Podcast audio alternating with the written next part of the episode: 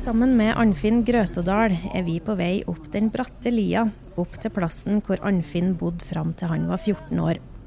Da brant hjemmet hans ned, og mens han, hans tre søsken og foreldre kom seg ut, brant hans besteforeldre og to gamleonkler inne. Kommer du opp her, da? I likhet med den maidagen i 1974 er det også teleløsning denne dagen i april, nesten 50 år senere. Og her skulle brannbilen opp. Ja, den sto fast i svingen på vei først. Ja. Brannbilen må trekkes opp av en traktor, men det var uansett ikke mye som kunne gjøres da bolighuset og fjøset brant ned til grunnen. Fjøset sto utover retning av stolpen der, og så eh, nedover. Og så sto stua på nedover gjerdet, da, kan du si.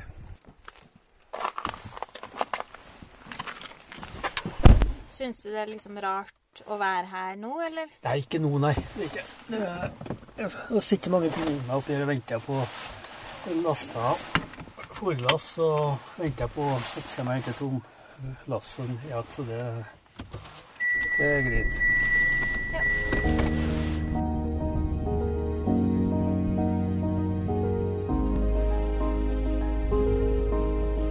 Du hører nå en podkast fra Arbeidets rett.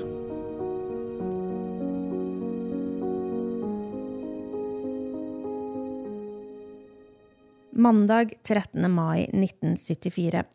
Familien til Arnfinn har mista fire familiemedlemmer og alt de eier. Kun undertøyet de sov i, er igjen. Så var det sånn manufaktur på samvirkedagene i åren, så åpna de og satte stengetid. Så um, fikk vi ta til oss et uh, sett med klær hver da, som vi hadde. Så var det pengeinnsamlinga til å sy på. Jeg kjemper ikke hvor mye penger som kom inn, men det kom inn en god del. da. To av dem som var med på å samle inn penger, var Bo Ivan og Chris Folde, som hadde vært på nabogården da det begynte å brenne i lia. Det som, altså Jeg skulle tilbake på, til Tynset på gymnaset. Og jeg skulle til Alvdal, for jeg gikk på husmorskole. Ja. Så vi skulle kjøre, vi hadde pakka. Og skulle kjøre da på ettermiddagen. Men, på, på morgenen, mener jeg. Ja. Men det, det er klart, vi vi, vi, trodde vel at her må vi være til stede på en eller annen måte og bistå. Men vi, hva kan vi bistå med? Ikke minst være der sammen med mor og faren din. Ja, ja. For dem var jo så prega òg. Så vi, vi ringte jo, jeg ringte på skolen og varsla at jeg ikke kom, og fortalte hvorfor. Det her er jo mandagen. Det her skjer jo mandagen. Mm. Den 13. mai. Natt til mandag, ja. Natt til mandag. Så da skjer jo det her med lensmann og lege som kommer. Etter hvert så blir eh, familien Angerd og Hilmar og ungene henta av søstera til Angerd, Hanna, som blir kjørt ned til hjemgården til Hilmar i Haltdalen. Til Gilset. Til Gilset. Um, og vi Vi samla oss nå. Ja, vi samla oss nå etter hvert. og tenkte at uh, vi må bidra på en måte slik at de får uh, startkapital. For de hadde altså ikke fem øre. altså De mista alt. Så da uh, tok vi, Chris og jeg og broren min og, og kjerringa, en avtale på at vi kjører rundt i Hessdalen og samler inn penger. Så broren min og, og Marit, de to nordre deler av Hessdalen, Eh, jeg tror vi delte oss omtrent med butikken. Mm. Så vi tok eh, den syndre delen og kjørte fra gård til gård og samla inn penger. Og alle ga selvfølgelig vilje av det de hadde. Alle, alle sammen. Alle hadde jo hørt tragedien. Her, nå er vi på tirsdag. Eh, hva som hadde skjedd oppe i Lien. Og alle var jo helt forferda i en så liten Lita bygd. Lita bygd som, som eh, Hessdalen. Jeg kommer ikke på hvor mye det, det ble, men eh, på kveldinga da, så kjørte vi En i Haltdalen til Gilset eh, som fikk de kronene vi hadde samla inn ifra, ifra bygden. Men vi, vi traff ikke dem da. Jeg, jeg ville ikke være med inn. Jeg klarte ikke. Nei, det var jeg og mamma som Ja. gikk inn da. Jeg klarte ikke å være med inn. For det var, det var jo en sånn sorgtynga situasjon for alle. Jeg husker på det var veldig bevega. Da vi kom dit den, den tirsdagskvelden. Og sjokket begynner å gi seg, og det begynner å innse Ja. realiteten. Ja. Ja, grusomt, altså. Så vi var vel eh, Vi reiste vel på onsdag, vi, tror jeg. Ja, og så måtte vi tilbake til, til videre politiavhør. Det kommer på vi, vi måtte. da. Men den mandagen så kom jo eh, Martin Holden og eh, tok første intervjuer med alle sammen. Da ble jo kalt inn på kjøkkenet hjemme én etter én. Mm. og det er klart, Første observasjonene er jo viktig i alle sånne brannsaker som jeg og far min hadde vært vitne til. For å avdekke årsak, selvfølgelig. Men eh, det var jo veldig vanskelig i og med at alt var brønnet helt ned. Det kom jo eh, fra kriminalpolitiet og, og undersøkte brannruinen, selvfølgelig. Så jeg var jo der når de kom og, og markerte hvor eh, de som omkommet var hen i, i huset. Eh, og det òg kommer veldig på gjorde et så sterkt inntrykk på meg. Å se at det settes ned nummer én, to og tre og fire Mm. i brannruinen. For de hadde jo rørt på seg. Ja da. Sine. De Ja, de, på ja, de hadde gjort det. I forhold til Som har jo bevegelse. Og sånn som vi har blitt det fortalt, så var det jo en Ludvig eller en Dopptopp som varsla brann. De andre som kom seg ut. Men han kom seg ikke ut sjøl. Så vi kan bare ane den panikken og den redselen som utspiller seg akkurat i de nattetimene når det der eh, pågår. Årsaken gikk- ble ikke bekrefta på Kypros, men det er trolig en overspenning på nettet. At det starta hele, hele andre etasjen var røyk og flammer tvert, og i og med måtte være elektrisk, men det, du kunne ikke gjøre noe. Altså, de hadde ikke, fikk ikke bekrefta, for det var så nedbrent. Eldste dattera i familien, Mai, følte likevel på skyld. I den skyldfølelsen mente kunne det, mente det, men ikke da det var ikke det. Så Kypros, men jeg gikk ikke inn, så begynte de å fikk noe spiseforstyrrelse altså. Men også var litt hard på skjenken, og så var jeg lag med en ja, en person som banka floa. Brannen satte sine spor i familien. Jo, det har prega alle, har det gjort. Lenge, mange, mange år. Jeg vet ikke om Det kommer jo til på avstand, vet, men du har jo noe, noe med det. Og et minne om mor si har brent seg fast. Nå på hun sto ute og Ute og skrek, og så sier hun 'Kjære Gud, hva har jeg gjort for deg galt?' Både mamma og pappa sa Så- Sånne ting glemmer vi ikke. Det gikk eh, mange år etterpå at jeg kunne våkne opp og kjenne røyklukta. Har du snakka mye om brannen i ettertid? Det var, jeg har jo gjort det, men det var ikke noe mye uh, uh, sånt i den tida der, vet du. Var ikke det. Det. Men jeg har gjort det senere åra når det får dukka opp igjen. For det Men jeg hadde ikke helt sansen for det. Jeg skulle sitte og kikke på et lys som gikk dit og datt med fly, og fortelle hva jeg følte. Og, det var ikke mye greier. Ehm, det, det var jo litt i forbindelse med andre ting òg. Det var jo Jeg mista jo Jeg har jo to søstre. Altså. I løpet av livet har Arnfinn mista sine to søstre. Mai døde etter et hardt liv, mens Laila ble påkjørt av toget. Og Laila hun Hun var ikke gammel da. Hun ble 14 år da, for hun var med vennene. Skulle få på Heimdal, Så jeg bodde hun bare i Trondheim. Så skulle mine foreldre henne til, med, til Syden, og så skulle vi stige på på Heimdal stasjon. Og så sa jeg, jeg tenkte jeg skulle prøve å ta meg fri fra jobb, jeg jobba overtid, men så sa jeg at det var ikke nødvendig. Og så ved en annen ting Det var et godstog uh, som sto i tredjesporet, og det, det toget brukte å komme, bestandig kom i andresporet. Og så jentene også oppspilt dem som gikk på andresporet som vanlig, og så kom de første. Mm.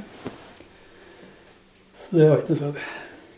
Så... Um, hun venninna hun ennå og fikk noen hørselsskader. Men når jeg kom til sykehuset, var Laila død. Det er noen sier at noen har fått prøvd livet. Men det må gå videre på en måte. Og det gjør det òg. Så kanskje sånn at uh, ikke det enkelte B-sjåfør, som jeg kaller det. Enkelte ting er bare bagateller, men det er vel problemer for dem, da. Hvis jeg fikk sagt det rett. Det fins verre ting å be seg for enkelte småting, da. Men, men vi er litt forskjellige der òg. Den som ikke har opplevd så mye, den har ikke den har annet ja, forståelsen når det er Eller formeninga når det er Ja. Brannen satte også spor hos Chris og Bo Ivan. Når jeg kom tilbake til skolen, så skrek jeg en hel natt. På en måte så var det godt å komme, kom dit og få reagere. For at du måtte holde så oppegående når du var oppe i Gjesdalen. Jeg hadde mareritt eh, lang tid etterpå. Mange år. Nå, nå har jeg ikke glemt lenge noe mer. Så da har sluppet litt, da. Mm. 14 år etter brannen i Hessdalen skulle Chris og Boivan sjøl oppleve at det brant i deres hus natt til 17. mai i 1988. Da ble vi vekt av at det var folk utenom her som ropte brann. Og da kjenner du litt på den ja. følelsen igjen.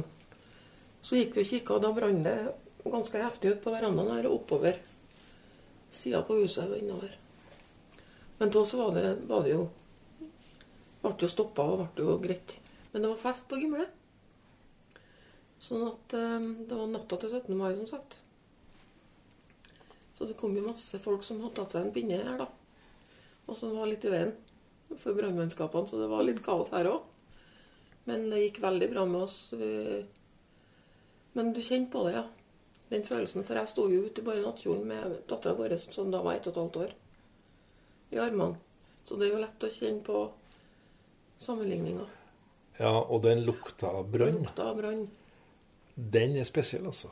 Mm. Og jeg kjempa Det var en gjenopplevelse. Mm. Å kjenne på det igjen. Det var veldig ubehagelig, rett og slett. Bojevan og Chris har i dag hytte i Hessdalen og har omgått familien Grøtedal i alle år. Vi har aldri snakka om uh, tragedien i 13. mai 1974. Um, vi har snakka om det selvfølgelig mellom oss, men, men, ikke med dem. Og jeg vet vel kanskje ikke hvorfor vi ikke har brakt det på bane, men Jeg tror at for min del så har jeg vært redd for å stikke hull på en byll. Ja. For at det skulle bli veldig vanskelig. For det er jo, det er jo sånn du tenker, som den som står utenom. Det kan hende at det har vært bra for dem om vi hadde gjort det. Det vet ikke jeg. Men uh, du blir veldig redd for å Ja, jeg vet ikke hvordan jeg skal forklare det annet enn å stikke hull på en byll. da. Og det er jo klart, det skal jo gjøres, kanskje. Men ikke av oss. Ja, og så mener jeg at det kanskje utspillet har vært hos dem, da, hvis de har ønska å prate med oss om det. Så hadde de kanskje gjort det. Så det har ikke vært naturlig, syns jeg heller, at vi skulle ha brakt det på bane. Det har vært egentlig litt opp til dem. For de, de har sikkert en del spørsmål de har hatt, eller har hatt kanskje gjennom årene, eller til å begynne med i hvert fall. da. som de kunne sikkert ha trengt å fått noe svar på. Som du sitter og forteller nå, sant, hva som skjedde Ja. fra ditt synspunkt. Ja, Når dere var oppe og hjalp til. ja det, det kunne hende, det. Men de har jo har hatt nok med, med å bearbeide og sin egen familie, tenker jeg, i den tida som har gått etterpå. Det var jo sikkert kanskje ikke så mye hjelp å få etterpå, eller? Nei, ikke sånn som det er rigga til i dag. Med, med helsehjelp og eh, psykiatrisk bistand, eh, krisestab som blir satt i en kommune når sånt skjer. Det Det hadde helt sikkert blitt om de hadde, for det var Ja. Jeg tror det er den verste katastrofen som har, som har skjedd i, i hele distriktet. I hele kommunen. Ja, det tror jeg. Jeg vet ikke noe eh, Jeg kommer ikke på noe annet som kunne vært verre, nei. Det er bilulykker og sånne ting, men Ja. dette her var sånn, en helt sånn spesiell tildragelse. Som skjer veldig sjelden. At fire stykker brenner inn. Og en hel gård brenner. Ja. Det, Og aldri vært bygd opp igjen. nei. Og det tror jeg de gjorde egentlig rett i, da. At de ikke bygde gård, en ny gård på samme plass, men Mm. bygde litt lenger ned. Men de må, altså de, jeg må bare beundre dem, for de er så driftige folk. Og de satte jo i gang, og, og det, det rulla og gikk. Livet på en måte som vanlig. Ungene i skolen, konfirmasjonen ble gjennomført. Alt. Og huset ble bygd, og det ble nytt fjøs, og det var nye Altså, Ja, så, og det kan du si at Det hjalp dem kanskje der og da, men det er ikke sikkert det var den store hjelpa de trengte i det. Men i hvert fall så var det at dagliglivet fortsatt det var stor betydning, det. altså.